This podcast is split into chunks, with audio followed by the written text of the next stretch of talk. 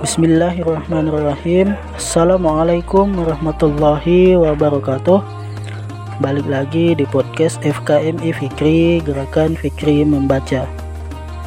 Insya Allah pada kesempatan yang baik ini Kita akan menceritakan kisah Seorang sahabat Rasulullah Yang memiliki usia sepandaran dengan Rasulullah Yakni diriwayatkan memiliki usia yang lebih tua lima tahun dari Rasulullah dengan usia hidup yang lumayan panjang yakni beliau hampir hidup dalam lima zaman kepemimpinan yakni dari zaman Rasulullah zaman Abu Bakar zaman Umar bin Khattab termasuk juga zaman Utsman bin Affan kemudian zaman Ali bin Abi Thalib dan sampai di zamannya Muawiyah bin Abu Sufyan.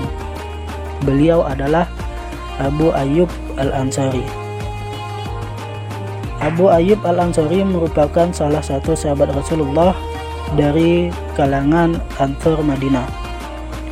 Dikisahkan pada saat Rasulullah Shallallahu Alaihi Wasallam hijrah ke Madinah, rumah yang didiami oleh Rasulullah merupakan rumah wakaf dari Abu Ayyub Al-Ansari. Rumahnya langsung dipilih melalui tuntunan untuk bisa ditinggali oleh Nabi saat hijrah ke Madinah.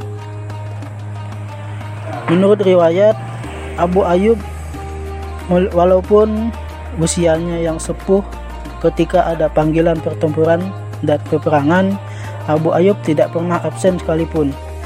Beliau selalu tampil sebagai mujahid yang menjual jiwa raga dan hartanya untuk Allah dan agamanya Allah dan selalu tampil walaupun ketika Rasulullah sudah wafat sekalipun.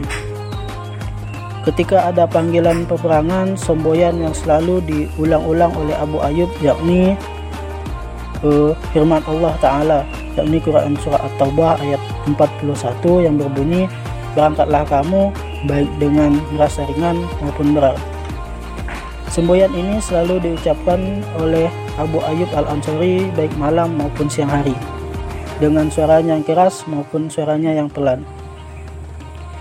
Abu Ayub dan istrinya selalu semangat dan melayani Rasulullah dan selalu menggali ilmu dari Rasulullah hingga hadis-hadis yang disampaikan oleh Rasulullah tersampaikan kepada kita saat ini. Sampai di akhir hayat hidupnya, Abu Ayub selalu melakukan pembelaan kepada agama Allah dan hingga akhir hayatnya beliau syahid dalam jihadnya kaum muslimin yakni dalam membuka Fathu atau kota Konstantinopel yakni dengan memerangi bangsa Romawi pada saat itu. Hingga hari ini makam beliau ada terdapat di Turki atau di Istanbul sekarang ini.